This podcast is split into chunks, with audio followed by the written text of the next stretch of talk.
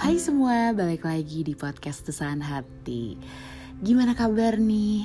Aduh cuacanya tuh adem-adem. Gimana gitu ya? Enak banget buat tidur, tidur lagi, tidur lagi. Tapi tetap jaga kesehatan ya Karena di cuaca kayak gini itu cepet bikin sakit.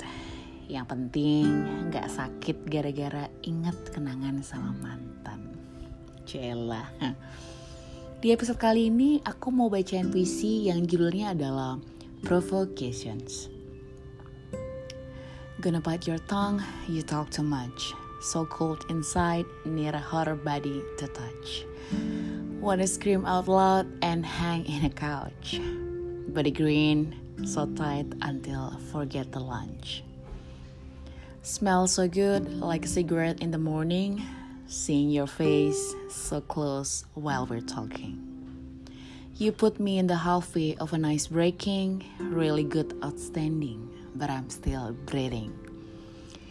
Ceritanya di puisi ini itu adalah kegemasan dari seorang perempuan terhadap laki-laki yang bikin kayak nggak nafas gitu loh. Jadi kayak nafasnya tersedak-sedak, tapi masih nafas sih ya, masih hidup buktinya sampai sekarang.